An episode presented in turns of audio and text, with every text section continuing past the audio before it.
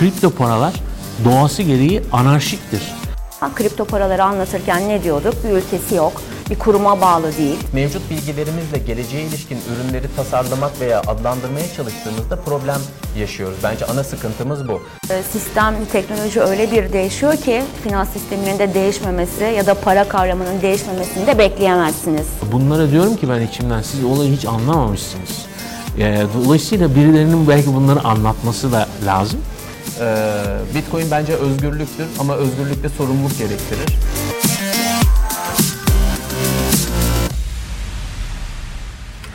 Merhaba, Kriptometre bu programın adı. Biz bu programda geleceği konuşacağız. Gelecekte finans sistemi nasıl şekillenecek? Bugünden şöyle sizi yıllar sonrasına götürmeye çalışacağız. Kimlerle yapacağız bunu? Serdar Kuzuloğlu aslında televizyoncu, gazeteci, e, teknoloji yazarı. Gelecek e, işte sanayi 4.0, e, dijital fin, e, dönüşüm denilince ya da geleceğin finans sistemi denilince akla hemen siz geliyorsunuz. Çok teşekkür Dolayısıyla biz de sizinle geleceği konuşacağız bu ilk programda. Hoş geldiniz. Çok teşekkür ediyorum Davi. Ve BTC Türk CEO'su Özgür Güner'i. Hoş geldiniz. Hoş bulduk merhaba. Biz de hoş bulduk tabii bu arada. Siz de hoş geldiniz. Teşekkür ediyoruz. Çok sağ olun. Şimdi kripto para diyoruz, dijital e, geleceğin finans sistemi diyoruz. Ama bi- biraz geçmişini konuşmuyoruz. Neden buna ihtiyaç doğdu acaba? Nereden çıktı bu? Ve nasıl gelişti?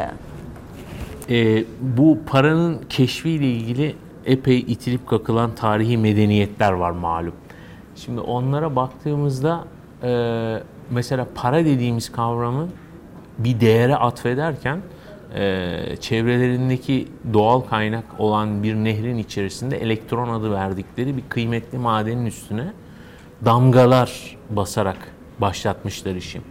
E, dolayısıyla bir şeyin başka bir şeyin kıymetine denk hale gelmesi meselesinin epey kadim bir geçmişi var ama sadece ilerideki konumuza yönelik şöyle bir küçük e, şey olsun. Bir karşılığı varmış. Yani o önemlidir değildir. O ayrı bir konu. Daha sonra baktığımızda şimdi kripto paralarla tabii herkesin miladı farklı. Sonra hiç memnun olunmamış. Nereden çıktı bu para diye. Aynen öyle. Ama bence bugünkü medeniyet de başka türlü olmazmış. E, çünkü e, hiçbirimizin her konuda uzman olabilme e, kapasitemiz yok. E, kripto paralara gelince de herkesin miladı farklı. Birçok kişi kendi duyduğu anı milat kabul ediyor ama aslında bugünkü anlamıyla e, kripto paranın miladını 1980'lere dayandırabiliriz. 1980'lerden itibaren e, teorik olarak tartışılmaya başlanan bir konu. 2000'ler denir ama Ee, daha da işte- 80'lere kadar giden bir temeli var, geçmişi var diyorsunuz. e, Latin Amerika'da bazı farklı denemeler var, farklı isimler altında vesaire. E, Birçok ilginç olaya sahne olmuş. Uzatmayayım ama e, bugünkü anlamıyla popülerleşmesi tabii ki şüphesiz Bitcoin ile birlikte oluyor. Bitcoin'in özelliği de 1980'lerden bu yana tartışılan, konuşulan olabilir mi, nasıl olur acaba denilen birçok soruya sahne olan bu konuya en tutarlı, eli yüzü düzgün, e, ölçeklenebilir çözümü getirmiş olması ve bunun toplumsal, yani ilk aşamada tabii kendi küçük e, çevresiyle daha sonra geniş kitlelerce kabul görmesi ve bir e, sistem, bir e, protokol olarak e, belli standartları oluşturmuş olması bence buradaki en önemli konu. Fakat tabii bir yandan da şeyi düşünüyorum. Mesela ben Bitcoin ile ilgili ilk yazıları yazdığımda Bitcoin böyle kaç kaçtı? sentti hatırlamaya çalışıyorum. Böyle 0.0 bir şeylerdi falan. Ben 1 dolarda bir, e, en son bilgiler benim 1 dolar falan civarında. o zamanki tartışma Yüzde bine yakın bir değer kazandı. O zamanki tartışma bambaşka şeyler üzerine kuruluydu. Yani e, mesela bugün hiç konuşulmayan şeyler konuşuluyordu. Öncelikle e, kripto paralar doğası gereği anarşiktir. Yani kökenini anarşizmden alır. Kökenini mevcut düzene, mevcut regülasyonlara, mevcut kurumlara alternatif getirebilmeden alır. Oysa bugün geldiğimiz durumda bayağı regülasyonlar var, devletler var. Millet pasaportlarını gösterip fotoğrafla bitcoin alıp satıyor bilmem ne. E bu işin başında neydi? Deep Web'de e, taş alınıyordu, sahte pasaport alınıyordu, bilmem ne de alınabiliyordu. Yani o kadar anonim bir e, akçeden bu kadar e, kişiyle özdeş bir yapıya dönüştük. Ve bakıldığında mesela... Hızlı mı sizce? Ya da beklenmedik mi? Ya şöyle bu kadar ilgi gören bir şeye kurumların çökmesini e, beklememek çok iyi niyetlilik olurdu. Bu iyi bir şey mi bilmiyorum. Bu kullanım senaryosu ile ilgili yani herkes acaba bu kadar kayıtlı, bu kadar geriye yönelik takip edilebilen bir yatırım e, şeyi istiyor mu acaba yatırımcı? Bir e, kıymete yatırım yapmayı istiyor mu? Çünkü birçok kişi yatırımının gizli olmasını tercih eder. E, ke- bilinmemesini ister. Bu Ama- daha mı şeffaf diyorsun? bu olabilecek en şeffaf hali. Daha şeffaf olamaz yani. Bir de e, sadece sizin işte son varlığınızla ilgili değil. Onun bütün tarihçesiyle birlikte siz ne yaptınız, kimlerle işte çalıştınız, neye yatırdınız, ne ettiniz bütün hepsinin bir kebir defteriyle birlikte yani sizin bir anlamda bu e, teolojik konularda sağınızdaki solunuzdaki melekler her şeyi yazıyor muhabbeti var ya. Hani onu bir anlamda çok kabaca bir benzetmeyle bütün bunların kaydına benzetebiliriz. Yani bu iş bir kere siberpunk diye bugün Bitcoin yatırımcısının belki 100 binde birinin aşina olduğu bir e, felsefeden besleniyor. Yani kardeşim bir kurulu düzen var. Bu düzen bizim hayrımıza işlemiyor. Bu düzen bize hizmet etmiyor. Biz kendi düzenimizi kuracağız ve bunu teknolojiyle kuracağız. Böyle bir yapıdan bugün geldiğimiz nokta düşündürücü. İnternet de çünkü böyle bir süreçti. İnternet de aynı temellerle çıktı. Bugün işte milyarlarca dolarlık bir endüstriden söz ediyoruz. Regüle oldu. yani. Şimdi başkaldırı dedi. Ee, Serdar Kuzuloğlu 2008 biz hani 2000 yılların başları diyorduk ama 80'lere kadar e, ge- geçmişi var ama 2008'de çok hızlandı. Bu acaba yaşanan krizle Amerika'da yaşanan mortgage kriziyle de bağlantılı mı? Yani çünkü e, ilk o zamanlar baktığınızda kripto paraları anlatırken ne diyorduk? Bir ülkesi yok, bir kuruma bağlı değil. E, dolayısıyla tamamen şeffaf, serbest. Acaba hani bu krizlerden e, ağzı dili yalan, yanan insanların bir baş kaldırısı mıydı? Ya da sisteme, başka bir sistem arayışı mıydı? O mu hızlandırdı? Bence bu e, bunda bir gerçeklik payı var. E, Ama toplamda baktığımızda aslında paraların, para dediğimiz, daha doğrusu mal ve hizmetlerin değiş tokuşuna bize imkan sağlayan e, varlıkların diyeyim, e, çok binlerce yıldır insanın hayatında var. Yani Danimarka'da bulunan deniz kabuklarından tutun da işte e, geçmiş yapılan e, kazılarda çıkan bizim şu anda blockchain dediğimiz e, o zamanki taşlara yazılı e, varlıkların ve dataların, verilerin aslında saklandığı e, yapı hep var ve hep e, bugüne kadar var olmuş. Ve zaman içerisinde baktığınızda işin özünde zor para, kolay para veya İngilizcesi hard money, easy money diyebileceğimiz e, geliştirilen e, paranın e, veya değiş tokuş aracı olarak kullanılan varlığın niteliğini kaybetmesi sonucu yerine yenisinin çıkması denen bir düzen içerisinde yeni bir sayfa açıldığını düşünüyorum ben. Aslında her ne kadar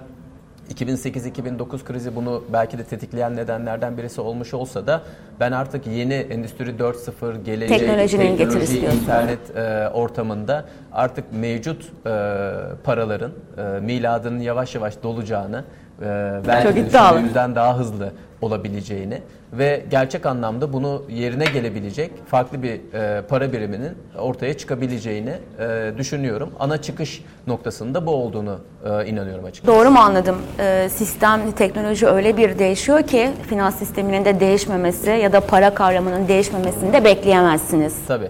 Ve bizim için aslında hep e, benzer örnek veriliyor. Düşünsenize yüz bin, yüzlerce yıl önce e, inandığınız, güvendiğiniz sikkeleriniz var, altın e, paralarınız var ya da takılarınız var. Birisi size diyor ki hayır sen getir bunu bir kasaya koyacağız sana karşılığında kağıt vereceğiz. Yani o zamanki muhtemelen e, müşteri deneyimi diyelim finansal enstrüman açısından e, ne kadar kabus bir şey olabilir ve bunun adaptasyonu ne kadar uzun sürebilir düşünürsek e, Bitcoin'in bundan çok daha hızlı bir şekilde adapte olabileceğini çünkü arkasında gerçek anlamda e, hem bir yandan şeffaflık Serdar Bey'in dediği gibi ama bir yandan da e, kişiye özel bir ruhunun da barındırıyor olması, zaman zaman bazı açılarıyla sistemi sorgular e, durumda olması ama bazı açılardan da aslında sistemin daha iyi belki de çalışmasını sağlayacak özellikleri olması e, Bitcoin adaptasyonunu bence daha da e, hızlandıracaktır. Aslında yüzyıllardır yaşadığımız insanlık olarak döngünün yeni bir sayfası. Yeni bir sayfası gibi. Yeni bir para anlayışı. Evet. Peki Serdar Kuzuloğlu şeffaflık dedi. Onun önemine vurgu yaptı. Yatırımcı açısından bu ne anlama geliyor? Onu biraz siz e, yatırımcı açısından açar mısınız? Bunu iki aşamada değerlendirebiliriz. Bir tanesi sizin kişiye özel yatırımlarınız e, ve buna ilişkin e, haklarınız, sahip olduğunuz yetkinlikleriniz, karar verme noktasında ne kadar üzerinde söz sahibi olduğunuz, e, şeffaflığın bir boyutu bu. Bir diğer boyutu ise e, yaptığınız e, hareketlerin e, ya da o kripto para ile gerçekleştirdiğiniz işlemlerin ne kadar takip edilebilir olduğu. Bir de bu ikisini birbirine bağlayan aslında bizim müşteri tanıma kuralı dediğimiz globalde de uygulanan. Sen eğer Bitcoin bizim gibi piyasalardan, platformlardan alıp satmak istiyorsan önce bir e, kimsin, gerçek bir kişi misin, var mısın, yok musun? Onu Sahte hesap yok diyorsunuz. Yok troll. ee, yani zor. Ee, Zor. Burada bir sürü önlemler alıyoruz. Bu sadece bize özel değil. Global standartlar da bunun e, benzer çerçevesinde. Ee, ama işin özünde zaten bütün e, Bitcoin'in blockchain'de durduğunu ve tüm kayıtların herkese açık olduğunu, bir Bitcoin'in bir yerden bir yere gittiğinde bunu herkesin rahatlıkla takip edebileceğini e, düşünecek olursak fazlasıyla şeffaf diyebiliriz. Ama belki de cazibesini e, bu getiren şeylerden bir tanesi de bu. Güven önemli tabii. Bu biraz da güveni mi getiriyor? O güveni nasıl? Ya şöyle söyleyeyim, e, bir kere para şeffaflığı sevmez. Ben net olarak söyleyeyim. Yani Evet işte şimdi size siz söyleyince Bakın- hani hiç tasarruf yapmamış, bütün harcamış, bütün bu görünüyor. Ben istemem şahsen. Bir de şöyle yani bi- biz e, yüzde 50'si ekonomisinin en az iyi niyetli yaklaşımla kayıt dışı olduğu bir ülkede Ortamda yaşıyoruz. isteyemez diyorsun. Bu atıyorum Yunanistan'da da farklı değil, İtalya'da da çok farklı değil. E, Çok ciddi bir kayıt dışı ekonomi var. E, Bütün işletmelerin iki defteri var. E, Patronların hiç adı sanı duyulmadık yerlerde banka hesapları var. E, Ama siz düşünülen şeyin, söylenen şeyin tam tersini söylüyorsunuz Serdar Bey. Hayır, Mesela ki- hani bu e, dij- e, işte kripto paralar biraz da hani e, farklı kullanılıyor mu acaba diye soru işaretleri vardı ya imkansız diyorsunuz. kripto paraya sahip olmanın iki tane metodu var. Hatta üç tane metodu var diyelim. İşte bu belki gireriz konuya ICO'lardan e, halka arz edilmeden önceki e, yatırımlardan elde edebilirsiniz. BTC Türk ve türevi kurumlardan elde edebilirsiniz. Bir de kendiniz üretebilirsiniz. E, bu üçünün de e, anonim olabilme ihtimalinin olduğu bir dönem vardı. Ve kripto paraların felsefesi de bu. Yani bugün mesela Bitcoin'in e, şeyi hmm, fikir babası diyelim. Mesela Satoshi Nakamoto. Bu kişinin felsefesinin bugünkü e, piyasa koşullarına hizmet edebileceğini düşünebilir miyiz? Mümkün değil. Zaten bu piyasalara bir reddiye olarak çıkmış bu e, bütün bu süreç. Yani devlete, regülasyonlara, sisteme, paranın kişilerle özdeşleşmesine vesaire. Yani bu aslında bambaşka bir şey e, olarak yola çıkıp bugün bambaşka bir noktaya evrilen konu. Şimdi siz mesela e, hiçbir şekilde e, kim olduğunuz bilinmeden sahip olamadığınız bir yatırım. Mesela kuyumcu size soruyor mu gidip altın alırken? Bana bir külçe altın ver kardeşim. Bir ke- kenara koyacağım. Dünyanın bin bir türlü hali var. Ha bir dakika sen bir pasaportunu kimliğini ver. Ben bunu yazayım. Serdar Kuzuloğlu benden bir külçe altın aldı. Yastığının altına koydu. Hatta şu yastığının altına koydu. Ee, şuraya kadar da orada olacak. Başka bir sandığın içine koyarsa da yine bana gelip haber verecek. Böyle bir şey her yatırımcı için değil. E, bir de şöyle bir durum var. Mesela bunun gelecekte para birimlerinin yerini alması e, büyük bir iddia. Çünkü bugün mesela iki tane noktaya bakalım. E, neden de biraz önce Özgür Bey dedi ki işte insanlar altınlarını bankaya verdiler. Bankalarda bunun karşılığında onlara para verdiler. Bu bence çok güzel, iyimser bir senaryo. Bugün hiçbir karşılığı olmayan paraları bize veriyorlar. Biz de bunu biliyoruz. Yani bugün zamanlardan bahsediyordum ben. Ne, ne güzel bir dönem değil mi? Banka size bir şey veriyor ama onun onda bir karşılığı var. Artık böyle bir yükümlülükleri de kalmadı. Bugün banka diyor ki kaç para lazım? İşte bir milyon iyi. Bir milyon yok. Basalım. Basın. Bir milyon basılıyor. Yani bir parça keten bir parça kağıttan, selülozdan ibaret bir şey 1 milyon dolar olarak kabul ediliyor. Neden? Çünkü ben ona güveniyorum. O bana güveniyor. Aynen işte kripto paralarda olduğu gibi. Bir karşılığı var mı? Karşılığı nedir? Güven takasıdır bu. Ee, güven ve istikrar takasıdır. Böylesine yürüyor. Kripto paralarda da bunun bir şeyi var mı? Var evet. Ama e, kripto paralardaki tek takas akçesini güvenin üzerine oturtursak bu onu çok kırılgan hale getirir.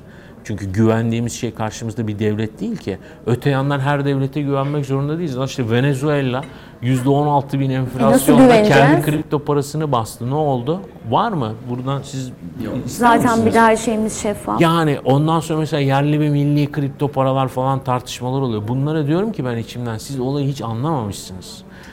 Dolayısıyla birilerinin belki bunları anlatması da lazım.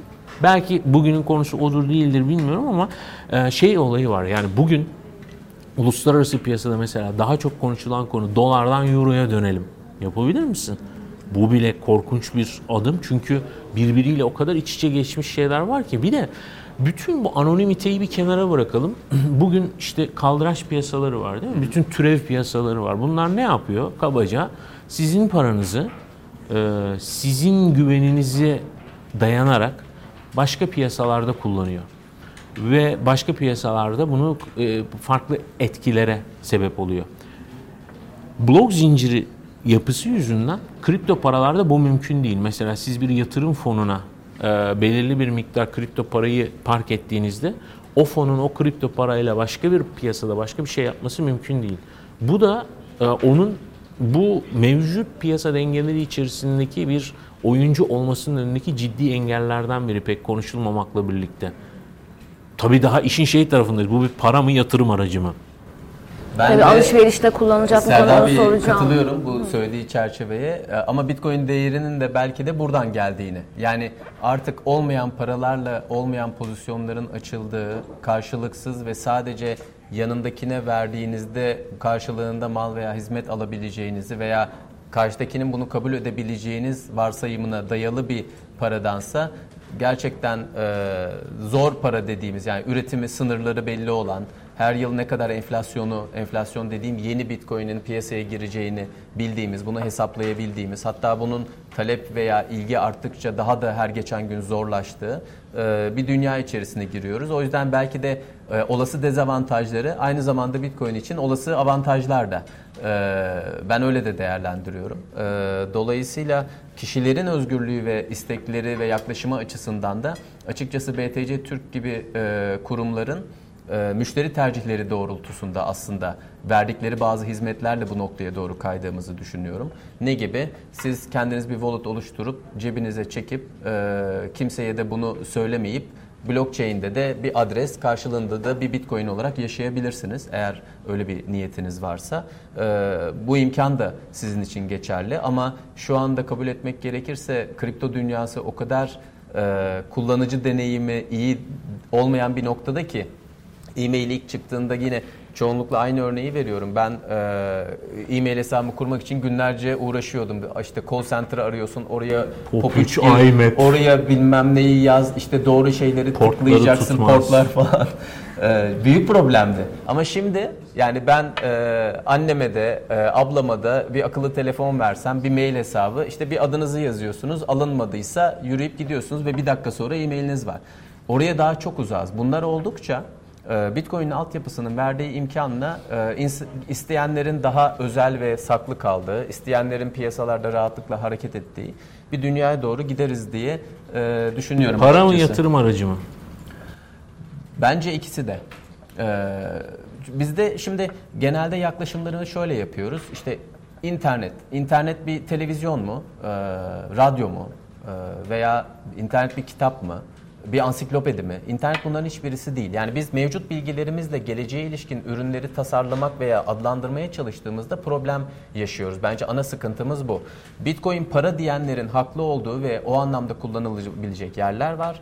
Bitcoin'e bir emtia diyorsak onun da Bitcoin için geçerli olduğu veya olmadığı noktalar var. BTC Türk'ün kriptometre için bana hazırladığı 1, 2, 3, 4, 5 soru. Ee, ne olduğunu bilmiyorum söylemediler ve başlıyoruz. Daha önce almış olduğunuz coinleri bulsanız ne yapardınız? Şimdi e, ben bu coinlerle ilgili çok e, yazıp çizip konuştuğumdan e, etik olmaz diye hiçbir coin almadım. E, ama almış olsaydım e, mesela Bitcoin özelinde 0.00 e, kurundan bir şeyler almış olacaktım. E, o fiyata bulsaydım şu anda kesinlikle satar güzel bir e, tatile çıkardım. Çıtır çıtır yerdim. Öyle bir karı başka bir yerden elde edemeyeceğim bilinciyle. Bitcoin'i bir cümle içerisinde kullanabilir misiniz? Bir cümle içerisinde kullanabilir misiniz? Bitcoin'in yaratıcısı Bitcoin'in bugün geldiği noktayı ve kuru görerek elindeki varlığı hala nasıl koruyor ve nasıl huzurlu uyuyor gerçekten merak ederdim. Sıradaki sorumuz. Katıldığınız bir düğünde Bitcoin takar mısınız? Ee, katıldığım bir düğünde e, katıldığım düğünlerde sahte altın takıldığına çok şahit oluyorum. Ee, Bitcoin'in geçerliliğini ve gerçekliğini ölçebilecek damat ve gelin olursa kesinlikle takardım. Ee, onun dışında e, işte gelinden, damattan, anne ve babalarından zılgıt yememek için biraz daha temkinli davranırdım. Hangi coin olmak isterdiniz? Bitcoin olmak isterdim. Yani e, en sanıyorum e, emini, garantilisi, belirleyicisi ve gündem yaratanı o. Sanıyorum herkes de böyle bir şey ister. Bazıları çok fazla kazandıran olmak da isteyebilir ama ben onlardan değilim. Ben biraz daha uzun vadeciyim. Son sorumuz Bitcoin veya altcoin'iniz var mı? Maalesef yok. Yani maalesef diyorum lafın gelişi yok hayır. Ee, e, kendim Bitcoin veya e, türevlerini almayı uygun görmedim. E, onlar hakkında araştırma yapıp konuşmayı daha e, tutarlı ve faydalı buldum etrafımdaki insanlar için. E, ama birçok kişinin almasına vesile oldum. Çok hayır duaları aldım. Yani bu dünyada kazanamadım ama sanıyorum öbür dünyada kripto paralar sayesinde rahat bir hayatım olacak diye ümit ediyorum. Ve BTC Türkiye teşekkür ediyorum. E, bu kurumların e, çoğalması e, hem tekelleşmeyi önler hem e, yatırımcıyı bu e, geleceğin finans sistemine daha çok taşır. E, hem de bu şeffaflık, yatırımcı bu kadar şeffaflık istemez e, korkusunu aştırır mı acaba? Biraz daha mı güveni arttırır? Şimdi şöyle... E, Ve tekelleşme sorunundan çok bahsediyorlar ya. Deadcoins.com diye bir site var. Hiçbir balta hesap olamayıp batan kripto paraları listeliyor. En son baktığımda 900 para birimi vardı burada. 900 tane kripto para yatırımcılarının varlıklarını buhar etmiş durumda. Gerekçeleri 900 tanedir en az. Fark etmez ama yani bu bu yüzden mesela bu hafta ilk defa tekrar Bitcoin'in hacmi kripto paralar içerisinde %50'nin üstüne çıktı. Neden? İnsanlar bütün o anonimite içinde de biraz önce bahsedildiği gibi güven arıyor. Evet. Diyor ki ben mesela niye şimdi BTC Türk'te 900 tane kripto para işlem görmüyor? Soralım. 5 sadece. Niye 5? Aynen bu nedenden. Değil mi yani? Peki bir şey merak ediyorum. Türkiye'deki şu an mevcut hukuki, kanuni düzenlemede yani bizi izleyenler açısından sizin gibi kurumların sağladığı avantaj ne? Şöyle biz yani siz e, yasal olarak siz neyle bağlısınız? Biz bir sanal e, şimdi bizim iki çeşit regülasyondan bahsedebiliriz aslında. E, ilki şu. E, biz bir sanal pazar yeriyiz. Yani kullanıcılar birbirlerine tişörtlerini, ayakkabılarını, bisikletlerini, e, alıp satmıyorlar da Bitcoin ve Ethereum'larını değiş tokuş yapıyorlar. Dolayısıyla oturduğumuz ana e, aslında regülasyon altyapısı bu. Onun dışında bize çok sorulan zaten regüle değilsiniz, kafanıza göre takılıyorsunuz, eleştirileri getirilen konulardan bir tanesi örneğin kişisel verileri kullanıcılarımızın. İşte bunları paylaşıyor musunuz, satıyor musunuz? Zaman zaman öyle eleştiriler geliyor. Ama bunların tamamı aslında Türkiye'de regüle alanlar. Yani köşedeki e, tostçu da eğer e, hesap defterinde müşterilerin cep telefonunu tutuyorsa alıp internete koyarsa hapis cezasıyla karşı karşıya kalabilir. Yani Türkiye'de Ama finansal... tostçuya öyle bir şey olmaz emin olabiliriz. Belli olmuyor bazen. Sizi affetmezler de. Ee, yani söylemek istediğim şey şu. Bir hali hazırda Türkiye'deki düzenlemeler işte bu vergi kanunu olsun, Çalışma Bakanlığı'nın kuralları olsun, kişisel verilerin korunması olsun, sanal pazar yeri altyapısı olsun. Bunların tamamına tabiiz. Bunların tamamı bizim bizim üzerimizde bağlayıcı e, ve e, olumsuz durumlarda sonuçları olabilecek konular e, var ortada ve biz bunların bilincindeyiz. Bu konularda da çalışmaya devam ediyoruz. Ama diğer taraftan eğer işin ruhunda siz bunu bir finansal hizmetler e, parçası veya o sektörün bir parçası olarak görüp değerlendiriyor iseniz Bence yasal bir regülasyon zemini yok. e, olmalı. Ee, ama Öyle değil mi? de yok. Yani bir yandan da belki zaman zaman konuşurken e, regülatörlere aşırı bir yük yüklüyoruz. Yani onlar sanki uzaydan geldiler. Gelecek 5 yıl, 10 yıl, 20 yılı görebiliyorlar. Bugünden öyle bir düzenleme yapalım ki kimsenin canı acımasın. Bu da mümkün değil. Ee, ama burada üzerimize düşen ne var? Bu değişim teknoloji e, sürecinde ve yeni oluşan risklere karşı veya fırsatlara karşı regülatörle piyasanın sık konuşması, bir arada olması, bilgi paylaşımını çok düzgün yapması bizi daha iyi bir noktaya götürecektir. Yoksa e, yani sadece Türkiye'de 2001 krizinde batan banka sayısını düşünecek olursak bankacılık globalde regüle olan bir alan değil mi? Çok regüle olan bir alan. Hatta aşırı regüle belki de. Ama orada da batan bankalar, çalan hırsızlar, Var. e, Dünyada da yöneticiler kripto olabiliyor. paralarla işlem yapan e, ve batan e, çok büyük sarsıntı yaşatan e, Yani bu örnekler riskler, e, oldu. söylemek istediğim şey şu, bu riskler kriptoya özel riskler değil. Değil. İşin içine para girdiği zaman insan doğasının hayata getirdiği Aynen. riskler ve bizim de en önemli üzerinde durmamız gereken konu açıkçası bu riskleri ne şekilde yönettiğimiz, kullanıcılarımız adına elimizden gelen maddi manevi bütün çabayı gösterip göstermediğimiz. Ee, yoksa bu tür problemler gelecekte de olacak ama kişi açısından bakacak olursak e, Bitcoin bence özgürlüktür ama özgürlükte sorumluluk gerektirir. Yani şifrenize doğru dürüst sahip çıkamıyorsanız, e, o süreci iyi öğrenip e, kendi lehinize kullanamıyorsanız, e, soran birine her türlü şifrenizi verip veya çok private keylerinizi sıradan bir bilgisayarda Word'ün içine yazıyorsanız bazı risklere açık hale geliyorsunuz. O da olayın bir başka boyutu. E, blockchain'i bize biraz anlatın, özetleyin. E, gelecekteki e, mesela bu paraları alışverişte de kullanabilir miyiz acaba? Sizce gerçekten gelecekte e, bu paralar çok yaygınlaşacak, daha fazla değer kazanacak mı?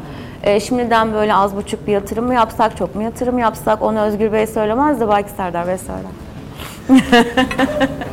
Adın çıkacağına ben her yer yatırım Şey diyormuş kesinlikle yapmayın yatırım. Bu yol yol değil. Böyle bir açıklama. var. teknolojisi bana çok böyle başka bir geleceği anlatıyor.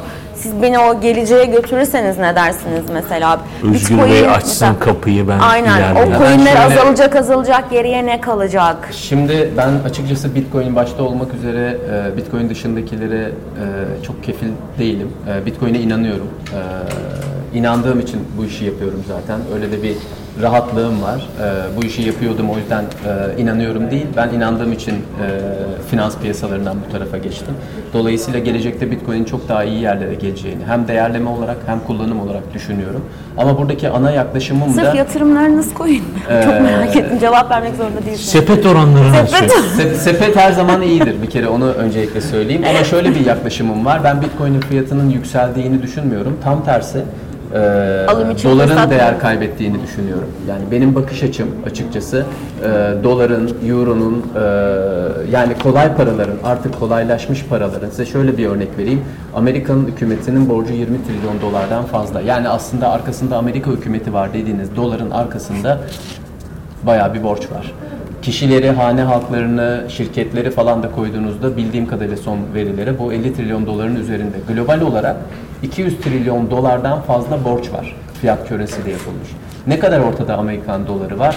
Bunun herhalde 200'de biri falan. Aynen. Dolayısıyla e, ben önümüzdeki dönemde Bitcoin'in satın alma gücü olarak bakıldığında çok yükseleceğini çünkü doların değer kaybedeceğini düşünüyorum.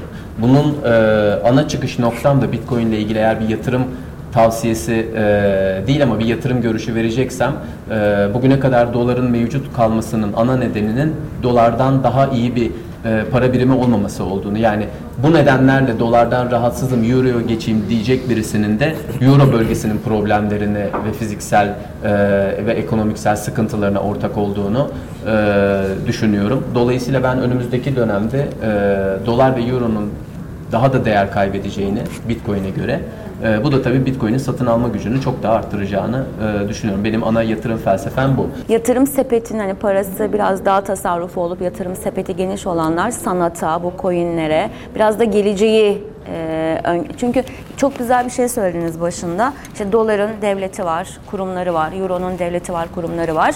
Coinlerin de arkasında gelecek var ve teknoloji var. Onun da dayanağı o. Dolayısıyla insanlar bu hızlı dönüşüm içinde e, coinlerin de e, dönüşeceğini... Benim e, yalnız bütün bu süreçte en favori e, açıkçası e, kullanıcılar genelde Bitcoin düşmanları oluyor.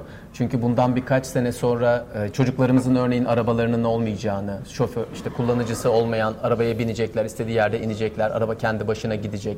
E, artificial intelligence, yapay zeka öyle bir gelişecek ki zaten işlerin %90'ını onlar yapacağı kadar e, inanan e, arkadaş çevremin diyeyim ya da tanıdıklarımın Bitcoin'e konu gelince Bitcoin'e konu gelince bu mümkün değil olamaz hayır falan deyip onu, onu da çok duyuyorum evet. yaklaşıyor olmaları da benim yani bir yandan bu kadar fütürist olup bir yandan da mevcut e, işte cebinden parayı çıkardığın e, veya e, en inanılmaz teknoloji herhalde kredi kartı diyebiliriz. E, orada hiçbir gelişme olmayacağını, hiçbir değişim dönüşüm olmayacağını ee, ama yakında dronlarla kapımıza alış yaptığımız alışverişten aldığımız kutuların geleceğini hayal edenler arasındaki bu e, tutarsızlık ve uçurum e, beni en çok şaşırtan noktalardan bir tanesi. E, yaşayıp göreceğiz çok heyecanlıyım. Yani gelecek ne olacak? E, benim de açıkçası Sonra bana gelip ağlamayın diyorsunuz. Serdar ya her zaman öyle şeyler oluyor. Ona Serdar Bey gelecekte şurdaki çiçeği, e, bu kırmızı çorapları. Dijital cüzdanım benim ya bu aslında. Yani bu kadar büyük olmasının sebebi o. Direkt USB portuna takıyorum. Winklevoss'un dörtte biri burada. Tamamlıyoruz. Son sözleriniz varsa alabilirim. Evet. Ankara'ya genel merkeze bağlanacağız. ee, ben şöyle toparlayayım. En başından beri söylediklerimi derlemeye çalışayım. Şimdi kripto paralar e, mevcut düzene bir reddiye olarak ortaya çıktı.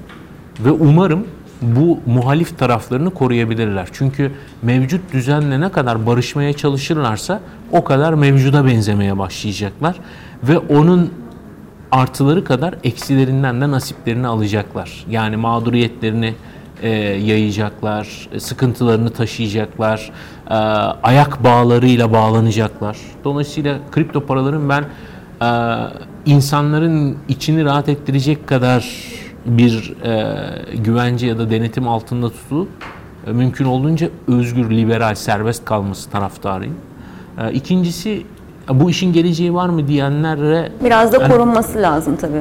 Mutlaka yatırımcının böyle bir talebi olduğuna eminim. Kurumların zaten. da çünkü hani e, bunun bir geleceği var mı tartışmalarında insanların en azından bu sadece geçtiğimiz 10 yılda yaşananlara, süreçlere, grafiklere bir bakmasını isterim.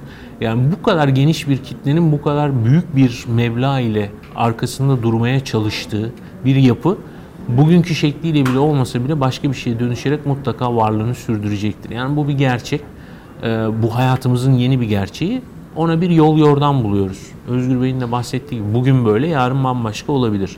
Ama bu bir nüvesidir genetiğinin bir parçasıdır. E, son olarak da buna yatırım yapmak isteyen insanların e, kimlere danışacağı ve kimlerden hizmet alacağı konusunda biraz daha seçici olmasında fayda var. Çünkü e, bu konularda konuşan insanlar çok. Mesela ben bak bir sürü şey söyledim. Yatırımla ilgili hiçbir şey söylemedim. Çünkü hiç kafamın basmadığı bir şey. Yani ben bunun teknolojisiyle, felsefesiyle ilgili, altyapısıyla ilgili bir sürü şey konuşabilirim. Ama mesela bana deseniz bu ne olur bilemem. Ee, o başkalarının uzmanlık alanı. Dolayısıyla bu biraz deve kuşu gibi. Ne deve ne kuş, ne teknoloji ne para, yani ne finans. Bunun bir harmanı ve yeni bir yetkinlik, yeni bir uzmanlık doğuruyor. Ee, kimleri referans aldıklarına dikkat etsinler. Bunların ikisini birden bilen insan sayısı az. İkisini de bilenlerden kendileri bir tahlil yapsınlar e, para zor kazanılıyor, kolay kaybediliyor. Çok. Kazanması güzel de kaybederken üzüyor, dikkatli olsunlar.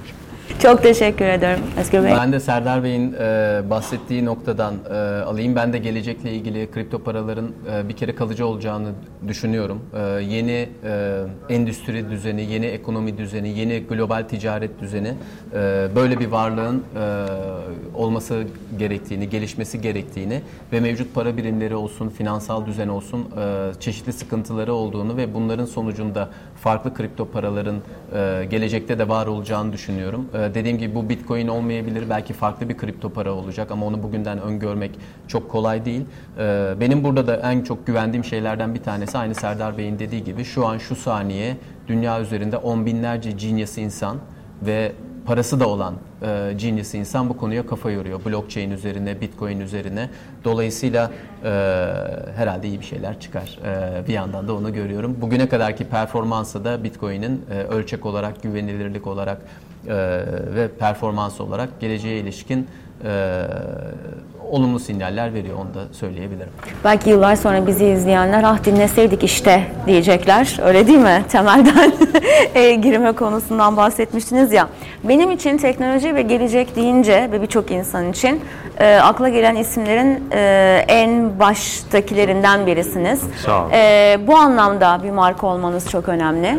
Gençler için de e, böyle insanların olması çok önemli. Sağ olun katıldığınız için, bizimle birlikte olduğunuz için. Serdar Kuzuloğlu. Yani bu konuş benim burada konuştuğum konuları ilk defa konuşma fırsatı buldum. Onun için de ayrıca teşekkür ederim. Çünkü işin hep böyle e, indisi çıktısı konuşuluyor da aslında daha büyük bir kesimi boşlukta kalıyor. Ben de bu fırsat için çok sağ olun.